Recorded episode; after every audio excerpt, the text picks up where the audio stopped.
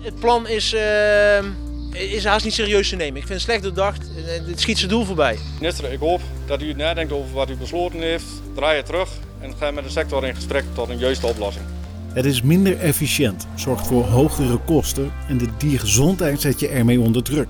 Dat is wat melkveehouders zeggen over de voermaatregel van de landbouwminister Carola Schouten.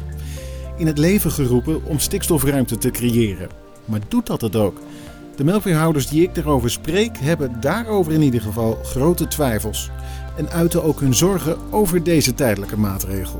Wij denken niet in vier maanden, zo werkt dat niet. Eh, je kan je bedrijfsvoering niet voor vier maanden aanpassen. Dat is geen werkbare situatie.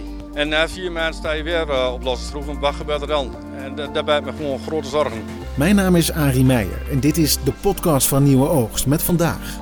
De zorgen van melkveehouders over de voermaatregel van Carola Schouten. Een van de melkveehouders met zorgen is Ruud Tax. Hij heeft zijn bedrijf in Noord-Brabant in het dorp Te Heide. Een bedrijf met 290 melkkoeien met bijbehorend jongvee en daarbij zo'n 90 hectare land in gebruik. Hij voert zijn dieren een gemengd TMR-rantsoen. Dus we hebben de dieren gewoon in één groep en die krijgen één rantsoen. Geen krachtvoerboxen. De dieren die krijgen uh, snijmais, ongeveer 7 kilo droogstof. Uh, gras, uh, eh, 6 kilo droogstof. En dat is nou in deze tijd van het jaar ook weidegras. daarnaast voeren we een 8 kilo aardappels op dit moment, voeraardappels, omdat die markt ingestort is. We voeren nog 8 kilo perspulp. Dan voeren we nog wat kleine energiecomponenten als tarwe en mais in de vorm van krachtvoer. En uiteraard ook wat eiwit om voldoende eiwit in het rantsoen te krijgen. En dan voeren we ongeveer een anderhalf kilo soja en nog een ja, 1,2 kilo raapachtig product. En Tax heeft geen goed woord over voor deze tijdelijke regeling. Die voermaatregel zou op dit bedrijf een groot probleem veroorzaken. Omdat wij, wat ik net zeg, veel energiecomponenten voeren. dus perspul op aardappels onder andere. Daardoor is het eiwit in het basisrantsoen is gewoon laag. En om dat voldoende aan te vullen, moeten wij geconcentreerde eiwitingrediënten hebben. En dat is soja en raap.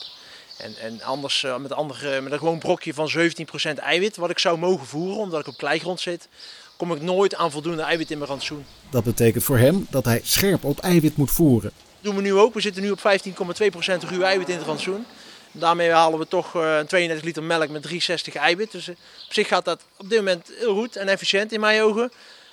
Um, ja, op het moment dat ik uh, dat niet meer mag voeren, die uh, eiwitproducten, dan moet ik uh, ja, met een hele basis brok uit de voeten, waar ik heel veel kilo's van moet voeren, kostprijsverhogend. En ik ben bang, of ik weet eigenlijk wel zeker, dat mijn eiwitefficiëntie omlaag gaat. Dus ja, dat schiet zijn doel voorbij en het is wel kostprijsverhogend. Dus niet realistisch. Ruud Tax komt dan ook nog niet in actie om de maatregel op zijn bedrijf toe te passen. Hij heeft de brief van Schouten wel gelezen en volgt de nieuwsberichten over de voermaatregel in de media, maar kan er niets mee.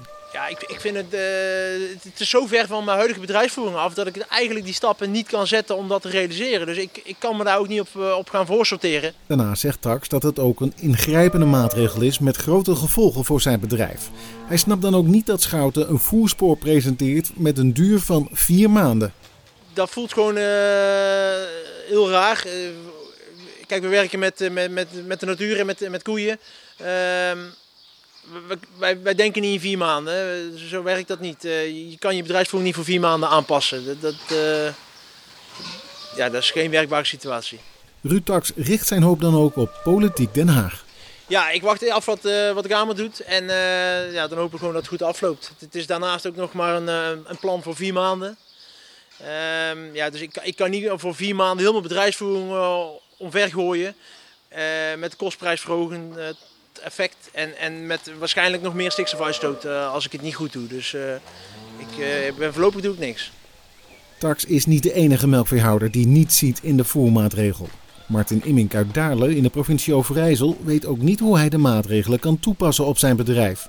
Dat niet alleen. Landbouwminister Carola Schouten heeft de laatste jaren ingezet op kringlooplandbouw. Immink heeft het beleid omarmd en op zijn bedrijf tot uitvoering gebracht, maar zegt nu dat hij wordt afgestraft. Daarover straks meer. Nu eerst een nadere introductie van de melkveehouder en zijn bedrijf. We hebben hier uh, in Dalen een melkveebedrijf met uh, 280 melkkoeien en uh, 110 hectare grond in gebruik. En dan hebben we nog een dikke 35 hectare mest voercontracten hier in de buurt. En dit bedrijf heb ik in maatschap met mijn vrouw. En de werkzaamheden we uh, gezamenlijk met mijn ouders nog. Mijn vrouw helpt mee. En dan hebben we wat losse ZZP'ers die mee helpen op dit bedrijf. En ook Immink voert zijn dieren een TMR-rantsoen. Met losse grondstoffen. we kijken naar de grondstoffen wat beschikbaar is. Wat past bij het, de kuil wat we voeren. Om zo stabiel mogelijk een rantsoen te houden het hele jaar rond. En we hebben afspraken uh, met een akkerbouwer hier in de buurt. We hebben tarwe van ontvangen en uh, mes naartoe leveren. En dat stoppen we in het TMR-rantsoen. En dat vullen we dan aan met een uh, eiwitcomponent. En we, ja, we voeren gewoon de TMR-rantsoen met gras, mais, sojahullen, soja en uh, sodagreen. En een klein beetje tarwegistconcentraat. De introductie van het voerspoor op zijn bedrijf zal ook grote verstrekkende gevolgen hebben. Toen ik het hoorde, schrok ik er heel erg van. Uh, we zijn al jaren bezig om uh, zo efficiënt mogelijk van voer melk te maken. Om de eiwitgehalte in het rantsoen zo laag mogelijk te houden. TMR-rantsoen is dat soms lastig. Dan moet je vaak iets een hogere eiwitgehalte in de basisrantsoen hebben. En ja, we hebben van voorjaar afspraken gemaakt met de akkerbouwer voor dit hele verhaal kwam om de tarwe en de mest daar naartoe te leveren. Mais kopen we ervan. En nu zitten we met het uh, voerspoor van Schoten dat we geen losse eiwit ernaast kunnen voeren. En dan zitten we vast, met de akkerbouw staat gewoon vast. Daar kunnen we niet meer stopzetten. En op een andere manier eiwit aan te voeren, dan moeten we al via de voerleveranciers eiwit laten komen. En dan moet je gauw aanvullen met extra energie. Dus uh, je gaat op basis van de, samenstelling van het voer wat je dan kreeg van de, van de voerindustrie een rantsoen samenstellen. Maar op dit moment uh, kunnen we heel makkelijk sturen. Uh, de koeien lopen overdag nog in de wei. Stel er zit veel eiwitgras, eiwit in het gras, dan kunnen we het gewoon eiwit in het rantsoen, in het basisrantsoen laten zakken. En als het voerspoor van minister Schouten doorgaat, dan krijgen we geen sturing meer in het rantsoen. Als we het eiwit laten zakken, laten we energiebehoeften ook in het rantsoen zakken. Waardoor de koeien waarschijnlijk minder melk geven en eerdere kans krijgen op ziektes. En dat bedoel ik ook vooral met droge koeien. Droge koeien moet je echt naar de norm voeren qua eiwitbehoeften. En dan kun je heel makkelijk met iets soja of rijp aansturen dat je de juiste behoefte hebt voor de koeien. Ook de eiwitkwaliteit in de melk voor de jongere kalven kun je daarmee goed op peil brengen. En de bieskwaliteit.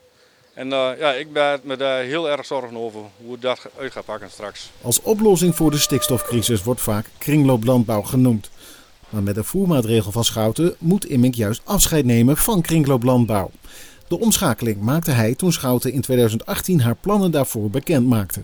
Dus we zijn op zoek gegaan uh, om hier in de buurt toch uh, meer grond in principe onder het bedrijf te krijgen met contracten met uh, de akkerbouwer kunnen we mes leveren en het voer weer terugkrijgen. Dus eh, daar hebben we eigenlijk al van jaren terug op aangespoord om dat te doen. En daar zijn we ja, ook gelukkig mee op dit moment. Maar aan de andere kant worden we daar nu weer in teruggevloten. we kunnen daar niet mee uit de voeten. We kunnen die, die tarwe eigenlijk niet meer voeren aan onze koeien.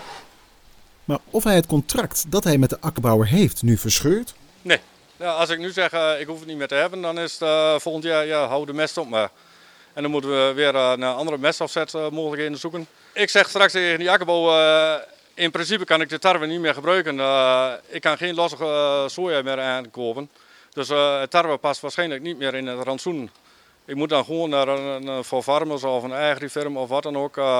daar moet ik het voer aankopen. En dan moet je gewoon de tarwe en het eiwit bij elkaar gemengd krijgen. Dus ja, dat wordt gewoon heel lastig. Ik hoop dat de minister zich nog bedenkt en ook met de melkveehouderij in gesprek gaat om dit op te lossen. Want we zijn al jaren bezig met de BEX, de kringloopbeester. En er staan gegevens genoeg in om efficiënt met het eiwit om te gaan. En dat kun je ook sturen. En dat is ook betrouwbaar. En je hebt het ureumgehalte in de melk. En daar kun je ook heel veel dingen over het eiwit terugvinden. Kijk daar eerst naar in plaats van direct het rantsoen op slot zetten, noem ik het maar. En om zijn argument kracht bij te zetten, pakt Martin Immink een handje voer bij de koeien weg.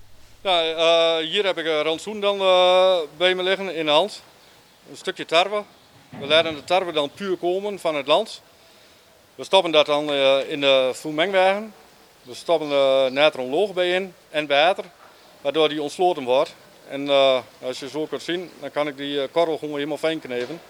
En dan kan de koe het zeer goed benutten in de pens. En hier heb ik ook nog wat tarwegries, ook een grondstof die we door het rantsoen mengen. We werken ook met grondstoffen omdat het goedkoop is en efficiënt kunt sturen met het rantsoen. En uh, in principe heb je ook minder energie ervoor nodig. Het hoeft niet de eerste fabriek in. Je kunt het gewoon op het bedrijf opmengen. En de koeien kunnen het uh, goed benutten. Dat het om een tijdelijke maatregel gaat, daar valt ook Immink over. Het zorgt voor onrust, onzekerheid en grote frustraties. Ja, soms, uh, ja, ik zeg niet altijd dat je het meeneemt naar binnen het huis in, maar met dit soort dingen vind, vind ik het wel moeilijk. we proberen als melkveehouderij altijd een oplossing te zoeken, ook naar de juiste wegen, ook om efficiënt met het eiwit om te gaan. En nu worden we in principe teruggefloten. En ik kan met de akkerbouw, uh, ja, ik ga hem dit jaar nog niet afzeggen, uh, ik hoef het niet meer. Ik probeer toch wel uh, op een, een of andere manier een oplossing te vinden. Als die er ligt. Maar dat, ja, dat is gewoon een grote zoekweg hoe we dit moeten oplossen. Het is dus geen onwil, het is wat hem betreft een onmogelijke tijdelijke omslag. Dat vind ik absurd. Een, een maatregel voor vier maanden, waardoor je je hele bedrijfsvoering op de kop moet zetten en na vier maanden uh, is er in principe al veel te kort. Je gaat de, de koeien al heel anders voeren. Dus die zullen uh, er zeker niet beter van presteren. En na vier maanden sta je weer uh, op losse schroeven. Wat gebeurt er dan? En daar ben ik me gewoon grote zorgen. We zijn de laatste jaren in veel onzekerheden gekomen als melkveehouderij. En nu staan we weer voor een punt, ja, hoe gaan we dit weer oplossen? Geef eens duidelijkheid waar we mee verder kunnen als sector. En de sector die heeft al zo vaak aangegeven dat er punten zijn eh, waar de minister op kan pakken. Maar ze laten het gewoon links liggen. En dat, dat, dat baat me als heel erg zorgen. Imming roept de minister nu op om het voerspoor terug te draaien. Of dat ook gaat gebeuren is maar zeer de vraag. De minister legt daar plannen voor aan de Eerste en Tweede Kamer. Omdat het om een ministeriële regeling gaat, heeft de Kamer slechts beperkte mogelijkheden om in te grijpen. Wat de Kamer kan doen, is bijvoorbeeld met een motie de minister vragen om de regeling aan te passen. In de Kamerbrief van woensdag 10 juni pareert de minister de kritiek op het voerspoor en ook benoemt zij de definitieve maatregel die in 2021 in moet gaan. Daarover schrijft Schouten dat ze samen met de sector afspraken wil maken om gezamenlijk tot maatregelen te komen die beter aansluiten bij de voorstellen die door de sector zijn gedaan en die zien op het totaalrantsoen. En daarmee zijn we tot het einde gekomen van deze podcast. Wil je meer afleveringen luisteren? Abonneer je dan op ons kanaal. Dat kan bijvoorbeeld via de apps van Buzzsprout, Spotify of via Apple Podcasts. Dat gezegd hebbende, graag tot een volgende aflevering.